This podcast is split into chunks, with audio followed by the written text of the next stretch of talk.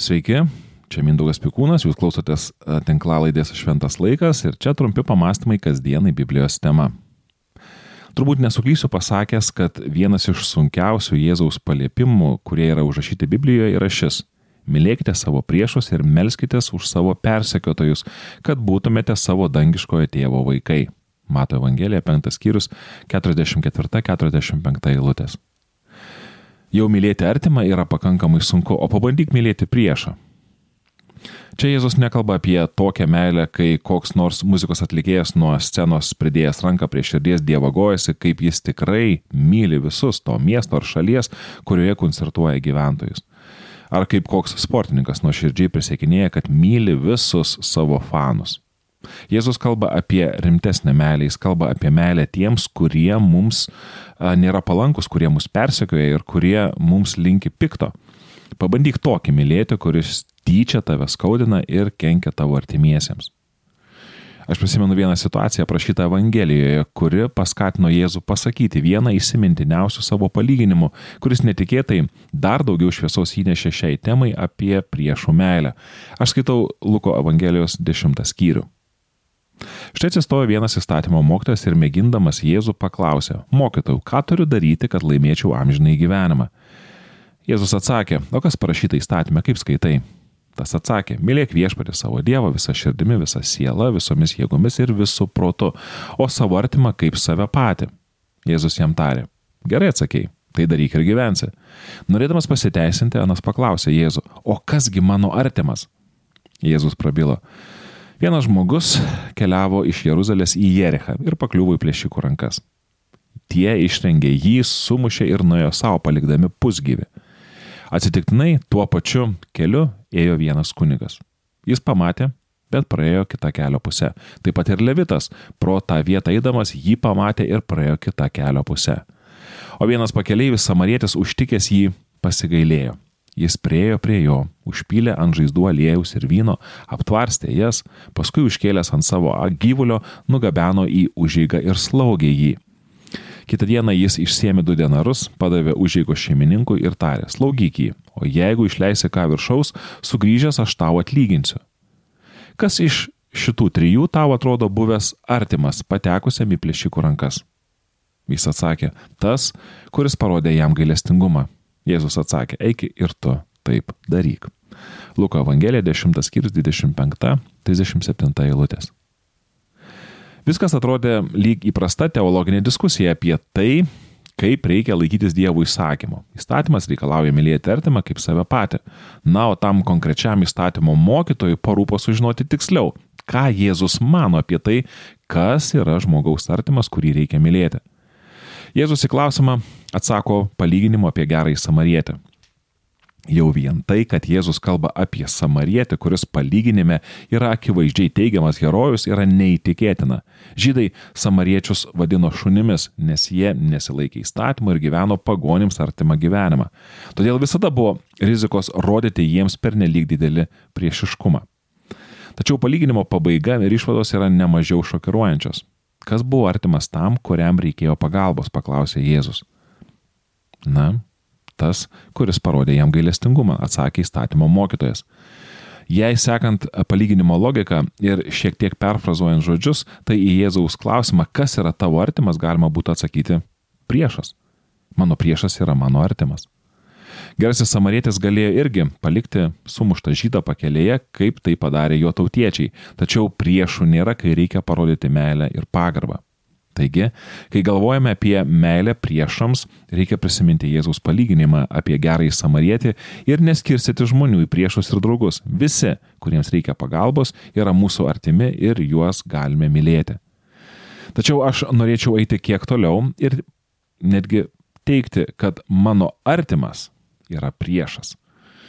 Ar bandėte skaičiuoti, kiek turite priešų savo gyvenime? Daug? Mažai? Ir kaip sekasi juos mylėti? Tik nesakykite, kad visus mylite ir priešų neturite. Jei taip, tai turbūt, um, na, už, užrakintų namų durų viską, ką darote, tai mesgate koinės visą parą e, prie veikiančio televizoriaus arba esate naivus idealistas, tikintis, kad pasaulis tik ir laukia, kad galėtų jums padovanoti aukso puodą ir apkamšyti jūs prieš miegą. Jei dalyvaujate, na, gyvenime ir gal kokiame nors bendruomeninėme gyvenime, aš čia jau kreipiuosi ir į krikščionis, kurie lankosi kas savaitę bažnyčioje, mes, manau, kad pripažinsime, jog visi turime priešų. Tai yra žmonių, kuriems jaučiame pagrįstą ar nepagrįstą antipatiją ir žmonių, kurie pagrįstai ar ne jaučia mums priešiškumą. Į klausimą, kas yra mano artimas, Jėzus atsakė, kad neturėtume žmonių skirstyti ir kad mūsų artimas yra kiekvienas žmogus, net ir priešas. Mums artimas yra kiekvienas, kuriam yra reikalinga pagalba. Su savo priešais turime elgtis taip, kaip su artimaisiais. Būti jiems teisingi ir maloningi, nekerštauti jiems ir jei reikia padėti. Apaštas Paulius rašė, nesiduokite pikto nugalimi, bet nugalėkite piktą gerumu. Laiškas romiečiams 12 skyrius 21 eilutė. Žinau, kad tam reikia daug išminties ir kantrybės, tam reikia daug malonės, kurią mums laisvai dalina Dievas. Bet gerumas turi būti mūsų esminė nuostata kito žmogaus atžvilgiu. Tačiau aš norėčiau šiandien eiti ir dar toliau ir pakartoti, kad mano artimas yra mano priešas. Tik pagalvokite, kaip dažnai mes susipykstame su artimai žmonėmis, kaip dažnai susipriešina kaimynai, kurie anksčiau kartu perėjo visokius džiaugsmus ir vargus, kaip dažnai skiriasi poros, kurios dar prieš kelias akimirkas prisiekinėjo meilę ir svajojo apie bendrą ateitį, kaip dažnai tas, kuris buvo arčiausiai, įskaudina skaudžiausiai. Jėzus tai gerai žinojo. Jį išdavė vienas iš saviškių - Judas. Jėzus jį vadino savo draugu, o jis jį pasmerkė skaudžiai mirčiai ant kryžiaus. Jėzaus artimas tapo jo priešu. Suprantu, kad sunkiai gali dabar dėliotis mintys, nes draugas, artimas ir priešas kažkaip tai atrodytų, na, tarpusavyje nedėra. Tiesiog noriu um, um, jums tai priminti ir aišku, nenoriu, kad mes visur tų priešų pradėtume ieškoti. Priešais gali tapti ir būti mums artimi žmonės, kad ir na, laikinai, kad ir kelis kartus per dieną. Gali būti taip, kad mes, na, gyvename su priešu po vienu stogu. Ir ką daryti tokiu atveju, kai tavo artimas, na, atrodytų, um, nebėra tavo draugas arba atsiranda susipriešinimas. Jėzus sako, mylėk, kai tavo artimas tampa tau priešu, tu jį tiesiog turi mylėti. Jėzus kalbėjo, jei mylite tik tuos, kurie jūs myli, tai kokį atlygį gausite? Argi taip nesielgia ir muitininkai? Ir jeigu sveikinatės tik tai su savo broliais, kuogi viršėjate kitus? Argi to nedaro ir pagonės? Taigi, būkite tobuli, kaip jūsų dangiškasis tėvas yra tobulas. Jei mes mylime tik tuos, kurie mus myli, mūsų meilė yra niekam tikusi. Taip būna daugelie šeimų. Myli vienas kitą, kol neatsiranda vaikai, kol neatleidžia kurio nors vieno iš darbo ir panašiai. Kai e, prasideda santykiuose problemos ir kai staiga nebegauni iš žmogaus meilės, kurios taip trokšti, toks žmogus staiga gali tiesiog tapti priešu. Ir Jėzus liepia jį mylėti. Mylėti tą, kuris e, na, negali ar nemoka tau atsakyti tuo pačiu. Žinau, kad mes apie priešus taip dažnai negalvojame ir savo artimų nevadiname priešais, nelaikome jų priešais. Ir manau, kad gerai darome. Nesakau, kad dabar savo vyrą ir žmoną turime vadinti priešu. Nesakykite, kad, na, čia jūs išgirdote tinklalaidėje ir dabar um, galite vienas kitą taip vadinti. Ir, um, jo, nevadinkite vienas kito taip. Ir aš ką noriu pasakyti, kad priešų gali būti daugiau nei mes galvojame. Gali būti taip, kad mus supa vieni priešai. Nuodėmės sužeisti žmonės, kurie dažnai nemoka nesavanaudiškai mylėti, galbūt per daug galvoja apie save ir elgesi neatsakingai. Ir juos Jėzus liepia mylėti.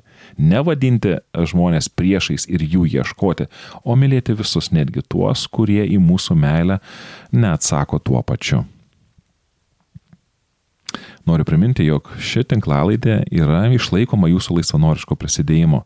Kad šių ir įvairesnių tinklalaidžių būtų sukurta daugiau bei e, pasiekta didesnė auditorija, kviečiu paremti šventas laikas veiklą Contribui remimo platformoje e, internete.